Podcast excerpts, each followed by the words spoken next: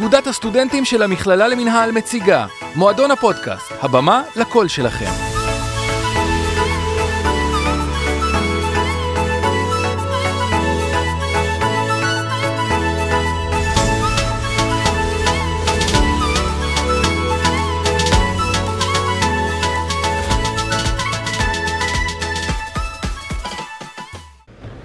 אז אה, שלום לכם אה, מאזינים ומאזינות, צופים וצופות אה, וברוכים הבאים למועדון הפודקאסט של אגודת הסטודנטים במכללה למינהל. נמצאת איתי פה היום עדן נאון, היי עדן, מה שלומך? בסדר, יהיה מה שלומך? בסדר גמור, וכמו שהבנתם אתם כבר נמצאים איתנו בפרק השני של מועדון הפודקאסט של אגודת הסטודנטים במכללה למינהל. ואנחנו גאים ונרגשים אה, להציג היום את השחקנית, הרקדנית, המנחה, הדוגמנית, מה לא? כל כך הרבה טייטלים, אלינה לוי. שלום, שלום. מה שלומך? איזה כיף להיות פה, וואו. כן, כיף אה, לארח אותך, תודה שהגעת. אה, אני רוצה, לפני עשור כבר פרצת לחיינו, ממש בשנת 2010, אני זוכר את זה, עוד מה הייתי קטנצ'י כזה, אני מניח שגם עדן. כן. גם את היית בעצמך חיילת, אה, אבל אני רוצה עוד לפני שמתחילים לזה, אני קראתי קצת, את יודעת, הגענו לפה מוכנים קצת. עלית לארץ בשנת 94, כמו שדיברנו ממש לפני שהתחלנו להקליט. ספרי לנו על איך התחלת לגור בראשון, איך זה, מה זה, כאילו, היה בישראל? כן, וואו, אז אה, אני עליתי לארץ אה, כשאני הייתי בת חמש, ו... אני מדברת על זה המון uh, בהרצאה שלי, שבאמת uh, כשעלינו לארץ עלינו עם uh, אבא שלי הביולוגי ואימא שלי, והמגורים פה היו לא פשוטים. בעצם המקום שקיבלנו לגור בו בסבסוד מהמדינה היה בשכונה לא פשוטה בראשון לציון, וככה... המציאות שלנו הייתה מציאות של עולים חדשים, וכזה אספנו רהיטים ברחוב, וזה לא הרגיש כמו איזה משהו עצוב, זה היה כזה מלא תקווה, ואני גדלתי בתוך בית אה, שהוא אלים, וזה עיצב מאוד את המציאות שלי, זה עיצב את מי שאני, זה עיצב היום את הפעילות ש... שלי בנושא. אה, מה התחלת להגיד? אני אומר, זה משהו שבוער לך, זה בתודעה שלך, זה משהו שחשוב לך. בדיוק, כי זה באמת אה, עיצב המון חלקים באישיות שלי והמון גם דברים ואמונות שורשיות שהייתי צריכה לפרוץ ביני לבין עצמי כדי אה, לייצר לי מציאות אחרת. אז ההתחלה הייתה ממקום אה, מלא באתגרים, נקרא לזה, אבל אני באמת מבינה היום שאלה מתנות שעיצבו אותי. אני מבין מאוד מה שאת אומרת, גם ההורים שלי עולים חדשים, הם עלו בשנת 91, וממש כאילו, אני מבין כל מה שאת אומרת, זה לאסוף רהיטים, כאילו מי שמגיע משם, כאילו מברית המועצות, גם ההורים שלי הגיעו משם, אז הם כאילו, שם הם היו וואו, ופתאום הם מגיעים לפה וזה כזה... כן. יש הבדלי רמות מאוד גדולים בין המדינות. אז זהו, שאצלי, במקרה שלי, ההורים שלי גם שם היו בשכבה שמתמודדת עם עוני. באוקראינה הפערים הם מאוד קיצוניים בין העשירים לעניים, והמשפחה שלי תמיד הייתה במצב של אה, אין לנו מה לאכול, ואימא שלי ממש הייתה מוותרת על ארוחות משלה בשביל שאני אוכל. אז מבחינתם ומבחינת אימא שלי, כאן זאת הייתה התחלה טובה עם הרבה יותר תקווה מאשר בקייב. ועד היום, אחד הדברים, בדיוק סיפרתי על זה בשיעור אה, סוציולוגיה, שעד היום אימא שלי אומרת, אה, אני שואלת אותה, היא עצמאית פה במדינה ויש לה המון אה, אתגרים כלכליים ברמת הניהול וברמת, אתם יודעים, אני לא צריכה כן. לספר על האתגרים הכלכליים במדינת ישראל, אבל עד היום כשאני שואלת אותה על זה, אז היא אומרת, אלינוש, פה לא חוטפים ילדים ברחובות. וההשוואה שלה היא שונה לחלוטין, והיא כן. באמת uh, מעריכה את המקום שנתן לה הזדמנות חדשה. אוקיי, okay, זה... אז התחלת, למדת תקשורת, גם ראינו קצת אה, נכון. uh, בראשון. וואו. כן, כן, אנחנו פה יושבים, עדן ואני ישבנו קצת לפני זה. זה מהממים. כן. אמ, אז בתור בוגרת מגמת תקשורת, תמיד ראית את עצמך בתחום הזה, ולא רק כאילו בכותרות? אה, זאת שאלה מעולה, כי באמת אה, כשהייתי בלימודי התקשורת, תמיד אה, דמיינתי את עצמי יונית לוי כזאתי. ממש. שלושתנו פה למדנו תקשורת, אני יכול להבין מה את אומרת, זה בשיעורים בכיתה כן. י"א כזה. כן, כן, כן. וזה ממש בער בי, המקום הזה שהתקשורת הישראלית היא בעצם המדיה הכי מהותית לשינוי חברתי ומדיני, ואני עד היום מרגישה את זה. וזאת באמת אחת הסיבות שנמשכתי לתחום הזה, לא ידעתי שאני הרבה פעמים אהיה מהצד השני שלו, אבל uh, תמיד נמשכתי לעיתונות, חוקרת, לשאלת שאלות. Uh, גם היום יש לי תוכנית רדיו ברדיו ירושלים, אז ככה, תמיד התחום הזה הוא איטי, והוא, ו, וגם כשאני מסתכלת קדימה, אז אני מאוד רואה את החיבור שלי בין המקום שלי בתקשורת לבין הקול והביטוי שלי uh, לשינוי. אוקיי. Uh, טוב, זה טוב, כמובן, זה שילוב בעולם התקשורת, אבל uh, פרצת לתודעה, כמו שדיברנו ממש לפני עשור, uh, ב-2010, נכון? עונה נכון, שנייה, נכון. שלישית של האח הגדול. כן. ילדה בת 19. מה יש לחפש בעולם הריאליטי? זה, זה... מה השיקולים שלך היה לפני הכניסה לבית האח? כי הרי זה, זה מטורף בסופו של דבר. כן. אחרי זה יש 15 דקות תהילה שאף אחד לא, לא הרבה אנשים יודעים להתמודד איתה. נכון. אז uh, כמו שאמרתי, הגעתי מבית uh, שהילדות בו הייתה מאוד uh, לא פשוטה. אני כל הזמן הייתי במקום של uh, לדאוג לאימא ולראות ולעודד אותה, והרבה פעמים הרגשתי שהקיום שלי הוא לא חשוב. ובהרצאה גם אני מספרת על זה שאחת התפיסות הכי עיקריות בחיי היו שאני לא ראויה לאהבה. כי אם אבא שלי הביולוגי הוא הבן אדם הכי מסוכן בחיים שלי, אז כנראה שמשהו בי פגום כילדה. ובגיל 19, כשהלכתי לאודישן, התחלתי כבר ללכת מגיל 17 לאודישנים בעולם הדוגמנות, ו... וואלה. כן, כאילו כל הזמן רציתי שמישהו יראה אותי, שיבינו כמה אני שונה, שיבינו כמה אני מיוחדת, שיבינו שיש בי משהו אחר. הייתי כמהה לאישור מבחוץ שאני בסדר. זה ממש הגיע מהמקומות האלה, וגם בתיכון ובחטיבה, אז הייתי ילדה מאוד אה, לא מקובלת, נקרא לזה. תמיד התמודדתי עם חרמות, ותמיד הייתי הילדה המשונה והמוזרה והרקדנית והשותקת. הייתי מאוד מכונסת, הייתי כל הזמן מקוטלגת כעולה החדשה, המשונה הזאת, שמתלבשת מוזר. גם בשנות האלפיים, כאילו עד לא מזמן. כן, כן, כן, ממש, ממש. אה, וזו תמיד הייתה לי איזו דחיפה כזאת להמשיך להאמין בעצמי. ותמיד אימא שלי הייתה אומרת לי את המשפט הזה שאני פרח שפורח מאוחר יותר משאר הפרחים סביבו, וזה משפט שממש החזיק אותי בתוך הקשיים של, של הגדילה וההתפתחות, ובאמת כשהגעתי לאח הגדול, אז זאת הייתה התרגשות גדולה. כי זה פעם ראשונה שאמרתי, וואו, כנראה אני לא מדמיינת, כנראה באמת יש בי משהו. Uh, וזה היה מדהים, אני ממש הייתי התינוקת של הבית, הייתי בת 19, וסופר נהניתי, כאילו, אני זוכרת ש... היום אנשים באים לאח הגדול בכזאת מודעות, סוגרים שת"פים וסוגרים מותגים וסוגרים אה, עבודות לפני ואחרי, ובתקופה שלנו לא היה את זה. כן, ו... זה היה עוד בחיתולים בארץ. כן, אני זוכרת שהיה לי, בדיוק לפני האח הגדול, יש לי פה צלקת באף. נפל עליי שלט, כשהיה תלוי ככה על תקרה, בתוך פסאז' ופתח לי את הפרצוף חודשיים לפני שאני נכנסת לאח הגדול. כן. חוויות. ו... ואז אני זוכרת שהייתי בתוך הבית, נכנסתי לחדר של האח הגדול, וחיכתה לי על הספה משחה. אה, שבעצם עוזרת אה, לטשטש צלקות בפנים. ואני זכרתי, כשאני קניתי את זה בסופר פארם, זה עלה 200 שקל. ואני זוכרת שישבתי על הספה והייתי עם מאוד בעיניים שאני לא מאמינה שהאח הגדול הביא לי מתנה בשווי 200 שקל בלי שביקשתי. וזאת הייתה התרגשות, כאילו לא היה לי פרופורציות. וזה היה מדהים, אני ממש זוכרת את זה כחוויה מדהימה בחיים שלי. זה, זה החוויה בתוך הבית האח הגדול, אבל מה, מה אחרי? איך מתמודדים עם זה אחרי? כן, יואו, אז uh, מה התחלת להגיד, עדן? Um, איך בעצם מתמודדים עם כמות כזאת של חשיפה, ובכל זאת היית כל כך צעירה, ואיך עדיין מצליחים להישאר בתודעה uh, אחרי ה-15 דקות תהילה שבדרך כלל uh, מתפוגגות? כן. אני ממש אה, עכשיו להוטה להזמין אתכם להרצאה שלי. אנחנו נשמח, אנחנו נשמח. כן, כן, אני ממש משתפת שם אה, בהרחבה על הנושאים האלה.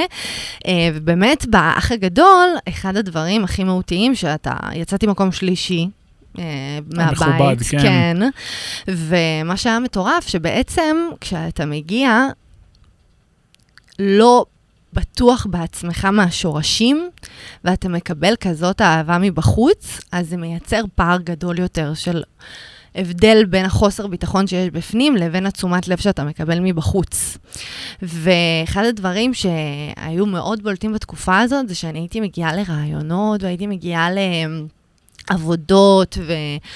עבדתי ממש המון אחרי האח הגדול, אבל כל הזמן בתוכי הייתי ברטט. כל הזמן הרגשתי שאני לא מספיק טובה, ואני לא מספיק ראויה, ואני לא מספיק מוערכת, ואיך אני יכולה להוכיח את עצמי, ו- וממש הייתי במרדף של uh, פשוט תחושת חוסר מוחלטת. Uh, והשנתיים אחרי האח הגדול באמת uh, הובילו אותי לאיזשהו קצה רגשי ביני לבין עצמי של החוסר ביטחון הזה, ואז פשוט uh, התחלתי ללכת לטיפול, שממש שמה...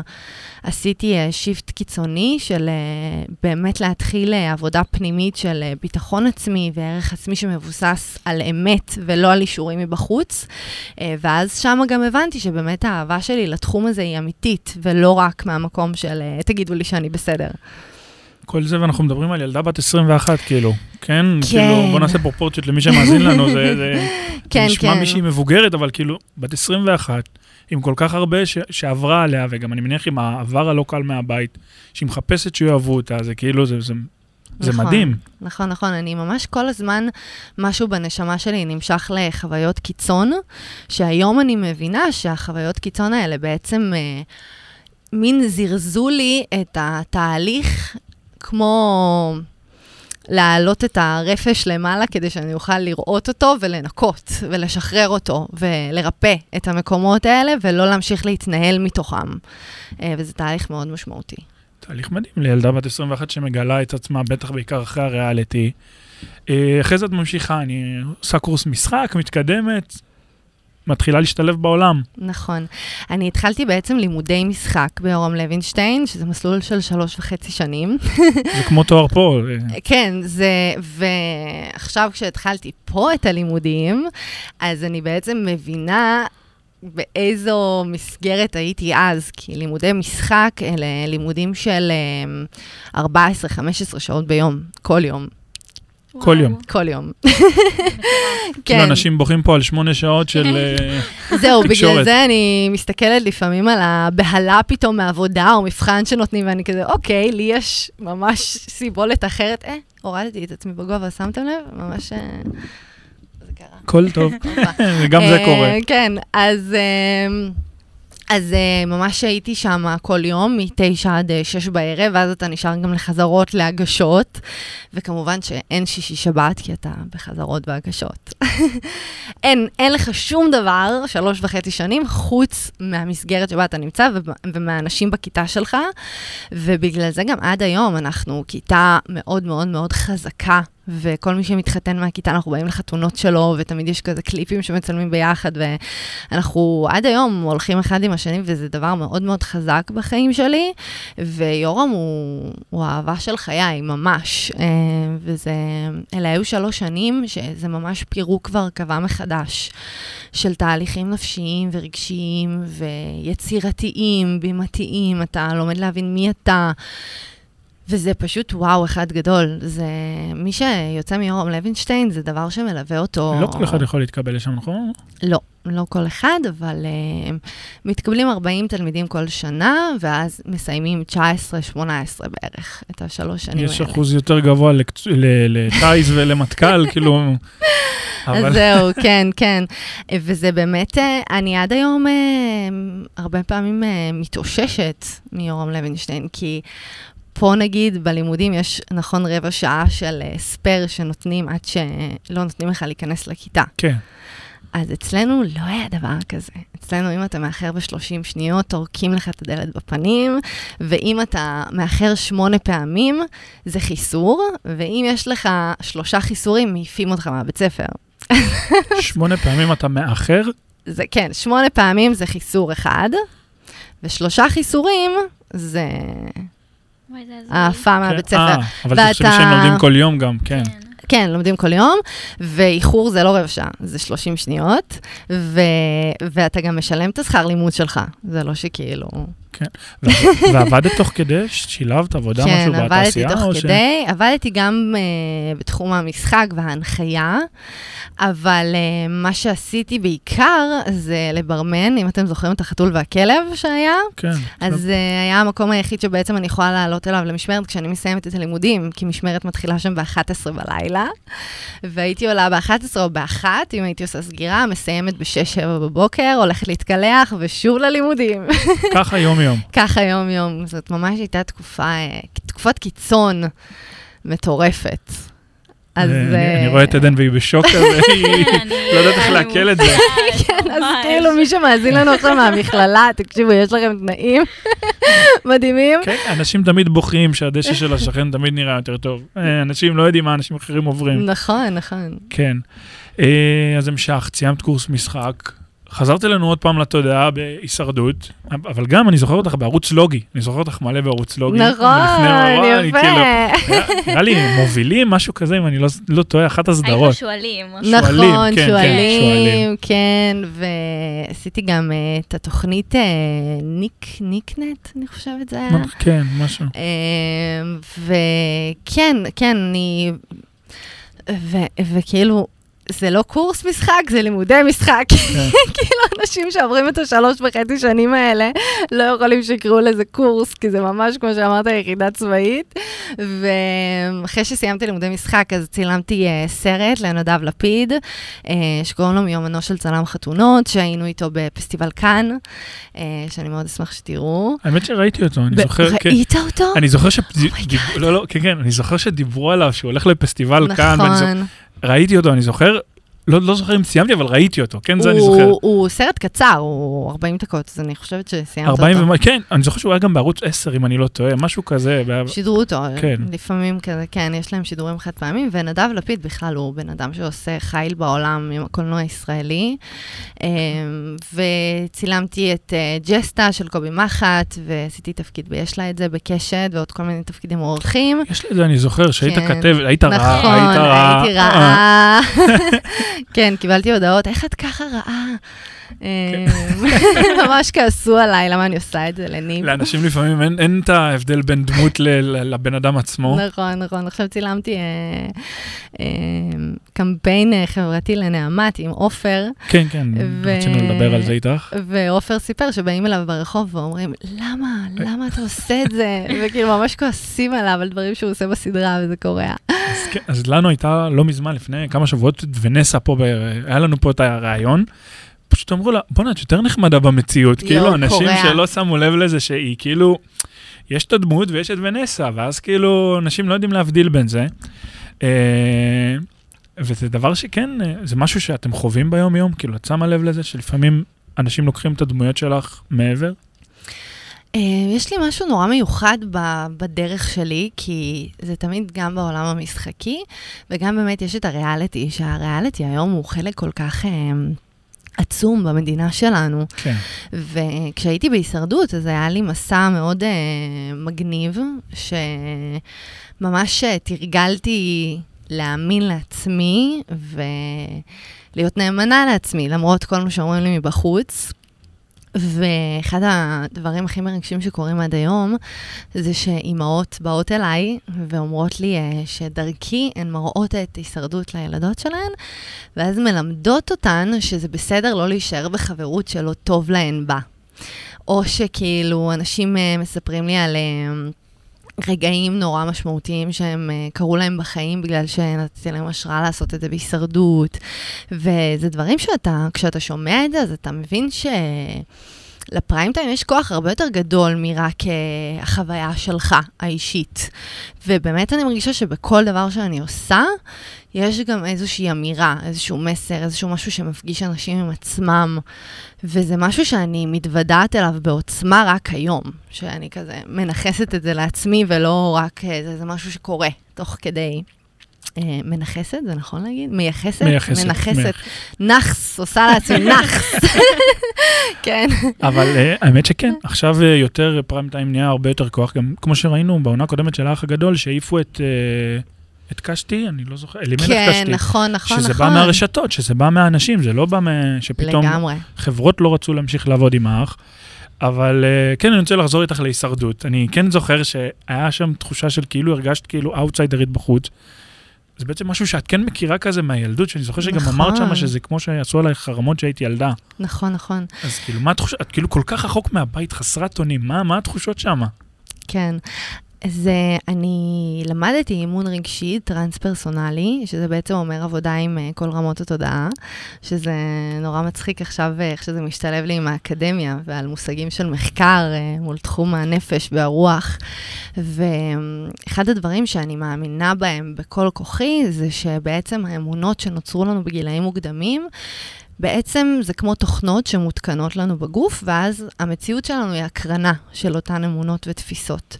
וכשהדבר הזה קרה בהישרדות, אז אני ממש זיהיתי את התפיסות האלה של הפערים בין נשים לגברים, וכמו שהכרתי אבא אלים מהבית, אז פתאום אני רואה גם גברים שאני צריכה ללכת לידם על ביצים כדי לא לחטוף צעקות, ואני ממש זיהיתי את הדפוסים האלה. ודווקא בגלל שזיהיתי את זה, אני הייתי חייבת להוציא את עצמי מזה, ולא להמשיך לשתף פעולה עם לשתוק בשביל שלא יכעסו עליי. וברגע שזיהיתי את זה, וקלטתי שאני מגיבה שונה למאורעות שהיו לי בעבר, ובאמת מובילה את עצמי למרות הקושי מסביב, אז הבנתי בעצם וראיתי את ההתפתחות שלי. ואת הלמידה שלי תוך כדי תנועה. ועם כל הקושי, אחד הדברים שהכי הייתי גאה בעצמי, זה שמתי שהם צעקו, אני בתוך עצמי אמרתי, זה לא משנה מה הם אומרים. העיקר איך אני מרגישה, העיקר שלא נטשתי את הלב שלי ולא נטשתי את עצמי. ובגלל זה העונה הזאת הייתה כל כך אה, משמעותית בשבילי בתהליך שלי. אוקיי, נשמע, כן, זה, זה, זה כיף לשמוע את החוויות משם, כן. וספרי לנו קצת חוויות מהאי, מהתחושות, מה, מהאקלים. וואי, אחד הדברים שחברות שלי כל הזמן אמרו לי, שחזרתי מהאי, כאילו אם האדמה מחבקת אותי. וממש הרגשתי ככה, אני מאוד ילדת טבע. אה, בן זוגי לא. הוא פחות זורם איתי על אה, לישון אה, בטבע, אז זאת ממש הייתה חוויה בשבילי. להתעורר עם, אה, עם הגלים, להתעורר ולראות זריחה כל בוקר, לעשות מדיטציה מול הזריחה. אני כל בוקר עשיתי שם מדיטציה, והייתי מאוד מאוד מחוברת. יש משהו מדהים שקורה כשאתה לא אוכל. ותמיד כשאומרים לי, באמת לא אוכלים שם? אז אני אומרת, לכו לעונה ואז ספרו לי איך היה. זה יותר גרוע ממה שרואים בעצם, כי מה שמראים הרבה פעמים זה את האנשים אוכלים קוקוסים, אבל אתה אוכל חתיכה סופר קטנה של קוקוס פעם בשלושה ימים, ומה שמזעזע ברגעים האלה זה שחותכים את הקוקוס, ואנשים כל כך בחרדת רעב, שאשכרה מסתכלים מי מקבל חתיכה גדולה יותר של קוקוס. זה דברים שגם קורים באי. זאת ממש חרדה אמיתית של uh, רעב קיצוני. וממש מתחילים להסתכל מי אוכל ביס יותר מהאורז, סיטואציות מאוד מאוד קשות. אה, אבל מה שקורה, מתי שאתה לא אוכל ואתה רק שותה מים, החושים שלך מתחדדים ברמות של חיה. כאילו, הייתי שם בהירה לעצמי ברמות קיצוניות. אתה פתאום כזה, כמו חיה, כמו חיה בטבע, שהחושים שלה מתחדדים, והכל היה לי, היו לי גם רגעים, אני לא יודעת אם ראיתם אה, Into the Wild. זה סרט מדהים של בן אדם שעובר לאנטארקטיקה, כי הוא רוצה בעצם לחוות את הטבע. וטוב, אני לא אהרוס לכם אם לא ראיתם. אנחנו נראה, אבל... כדאי כן, לכם אה, ממש לראות, ויש שם רגע בסוף שהוא כל כך מטושטש מזה שהוא לא הצליח אה, למצוא אוכל, שרואים ממש את המצלמה מתנדנדת כזה מצד לצד, ויש כל כך הרבה רגעים על האי שאתה הולך, ואין לך מושג איך אתה מרים את הרגל, כי כל כך אין לך כוח בגוף, שפשוט אתה רואה את הכל מסתובב. והכל כזה, כאילו אתה בחלום, כאילו אתה הוזה את זה. אז איך עוד מת- מתמודדים עם המשימות הפיזיות והדברים האלה שלא אוכלים, כאילו? אז במשימות פשוט אנדרנלין, ומופרשים לך מלא הורמונים של לחץ וסטרס ותפקוד. אז אתה עולה אה, לרבע שעה, 20 דקות של המשימה, ואז הנחיתה היא באותה עוצמה. וזה פשוט, המערכת עצבים שלך כל כך נשחקת שם. אני חזרתי מהאי, אה, שהייתי 7 קילו פחות, של המשקל שלי זה מאוד מאוד מאוד קיצוני. Um, הייתי בתת משקל חמור, uh, הפסקתי לקבל מחזור, על האי לא קיבלתי, וגם חצי שנה אחרי זה לא הסתדר לי הגוף, זאת אומרת, אלה דברים מאוד מאוד קיצוניים שקורים לך. ועד היום, כשאני חולמת חלום בלילה, שהוא סיוט, זה, זה בעצם, אני חולמת שאני מגיעה לעוד עונה. עד כדי כך, עד כן, כדי כך. כן, כן, שאני חולמת שאני על האי, וממש בחלום יש לי את הקולות של, מה? מה עשיתי לעצמי? איך אני אהיה כל כך רחוקה מדור ואמיל? איך אני לא אוכל שוב? לא, אני לא יכולה לעשות את זה. ואז אני מתעוררת בבהלה מטורפת ושמחה שאני בבית. אז אני מניח שעוד ריאליטי לא, לא, לא, לא על הפרק. כרגע לא, אבל אני תמיד אומרת, uh, never say never, לך תדע. כן. תכלס, אני ממש רואה את עצמי, נגיד, עוד כמה שנים. במרוץ? לא במרוץ, המרוץ לא כל כך עושה לי את זה, חייבת להגיד. נראה לי, מה זה סטרס, כל המשימות האלה, אחת אחרי השנייה? ואני די מיציתי סטרס בחיים שלי, אבל uh, מה שנראה לי סופר מגניב, לכו תדעו, זאת פעם ראשונה שאני אומרת את זה בקול רם, להיות אחת מהמומחיות ב... חתונה ממבט ראשון. איזה כיף. איזה כיף. אולי אחרי שתסיימי את התואר, מי יודע, אולי ישלבו אותך. וואי, זה נראה לי מה זה כיף. אני בכלל הייתי, זמר במסכה, או איזה משהו כן. שגם יכול לשבת עלייך, את גם. באומנויות הבמה. אם היית שומע אותי שרה, אז פחות היית אומר את זה, אבל תודה רבה על לא, אני מניח שכל מי ששם לא לא כל כך יודע לשיר, אבל אה, כן. כן. אלינה, אחרי אה, כמעט עשר שנות קריירה מאוד מאוד מאוד עמוסות, אה, האם יש בך חרטות על דברים שעשית או שלא עשית?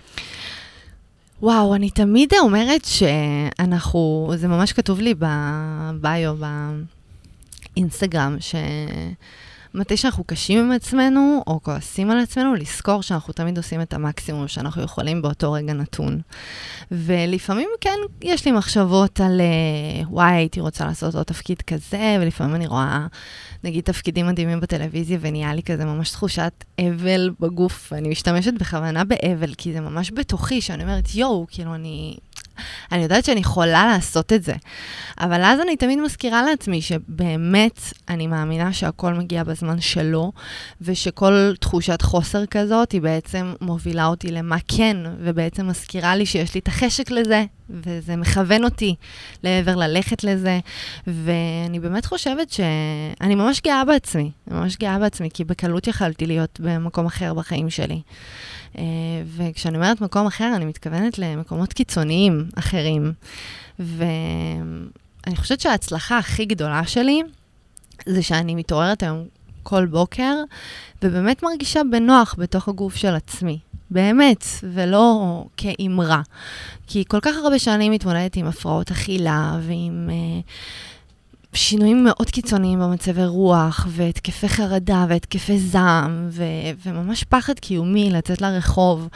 וכשאני רואה מה אני בונה היום, ואת הבית שלי, ואת המשפחה שלי, ואת הקריירה שלי, אז אני מבינה ש... ש- שעשיתי דבר מדהים, ו- וזה כיף לי גם שאני סקרנית ותמיד מתפתחת, וזאת אחת הסיבות הגדולות שאני גם כאן uh, במכללה. טוב לשמוע.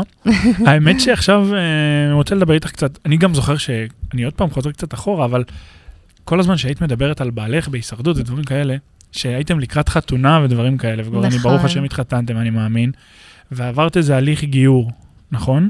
אז זהו, שהתחלתי תהליך גיור, אבל גם אני אגיד שאני לא משתמשת במילה בעלי.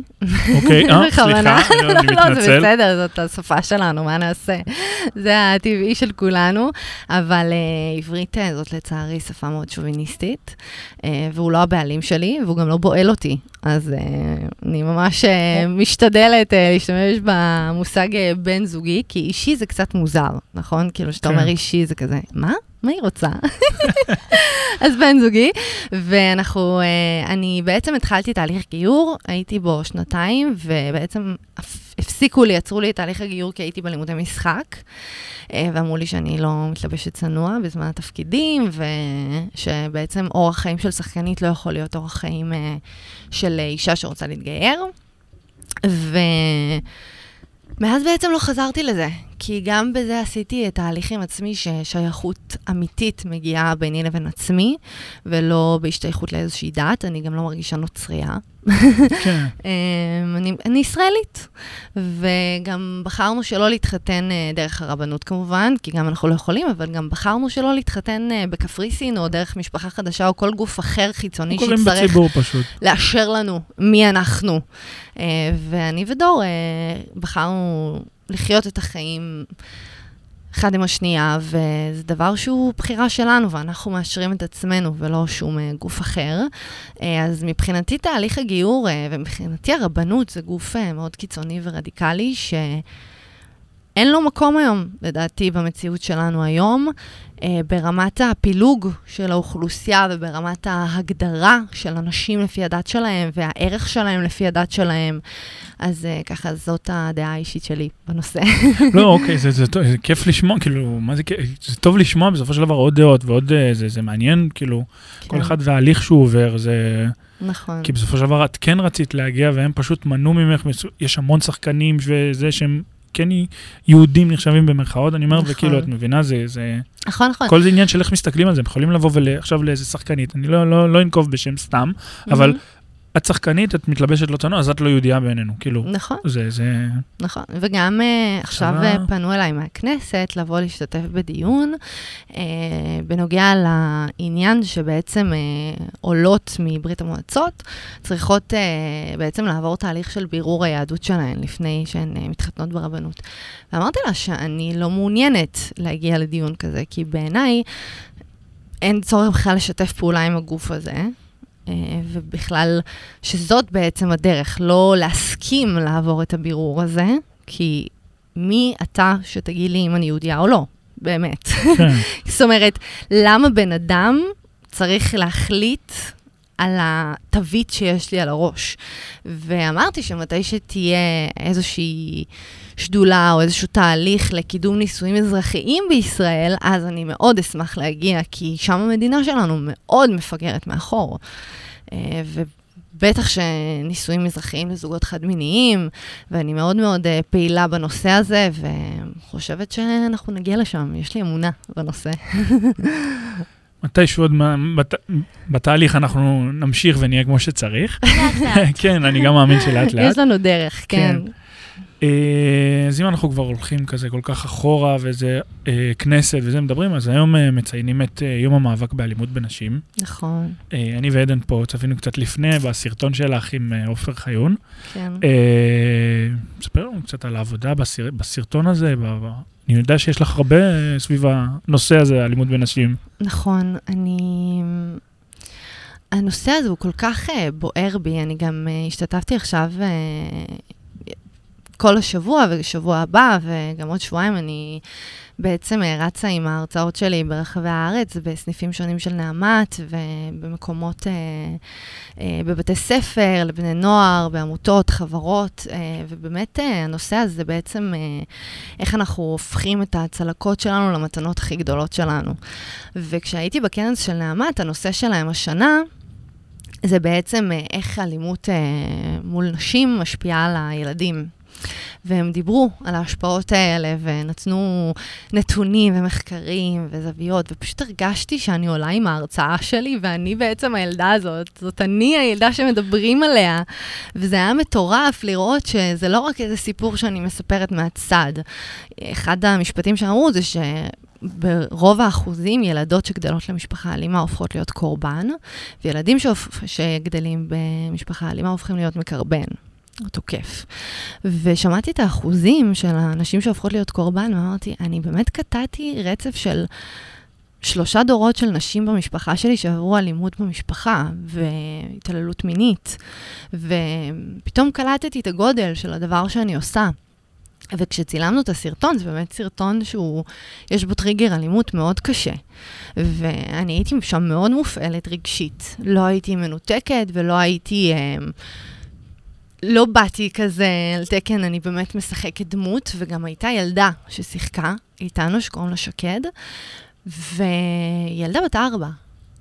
ואמרתי לעצמי, מסבירים לו ש, שאלה שחקנים, אבל עדיין זה לא סיטואציה נעימה לראות, גם בתור שחקן אתה מגיב לרגעי אמת כשאתה בוגר, אז בתור ילדה לראות סיטואציה כזאת שגבר מרביץ לאישה, וממש ראיתי שהיה קשה לילדה, שהיא ממש נבהלה, והיו לה דמעות בעיניים, וממש כאילו הרמתי אותה אחרי זה ואמרתי לה, את יודעת שאני ועופר חברים, וזה רק משחק, ואנחנו מכבדים אחד את השני, כן, ואנחנו...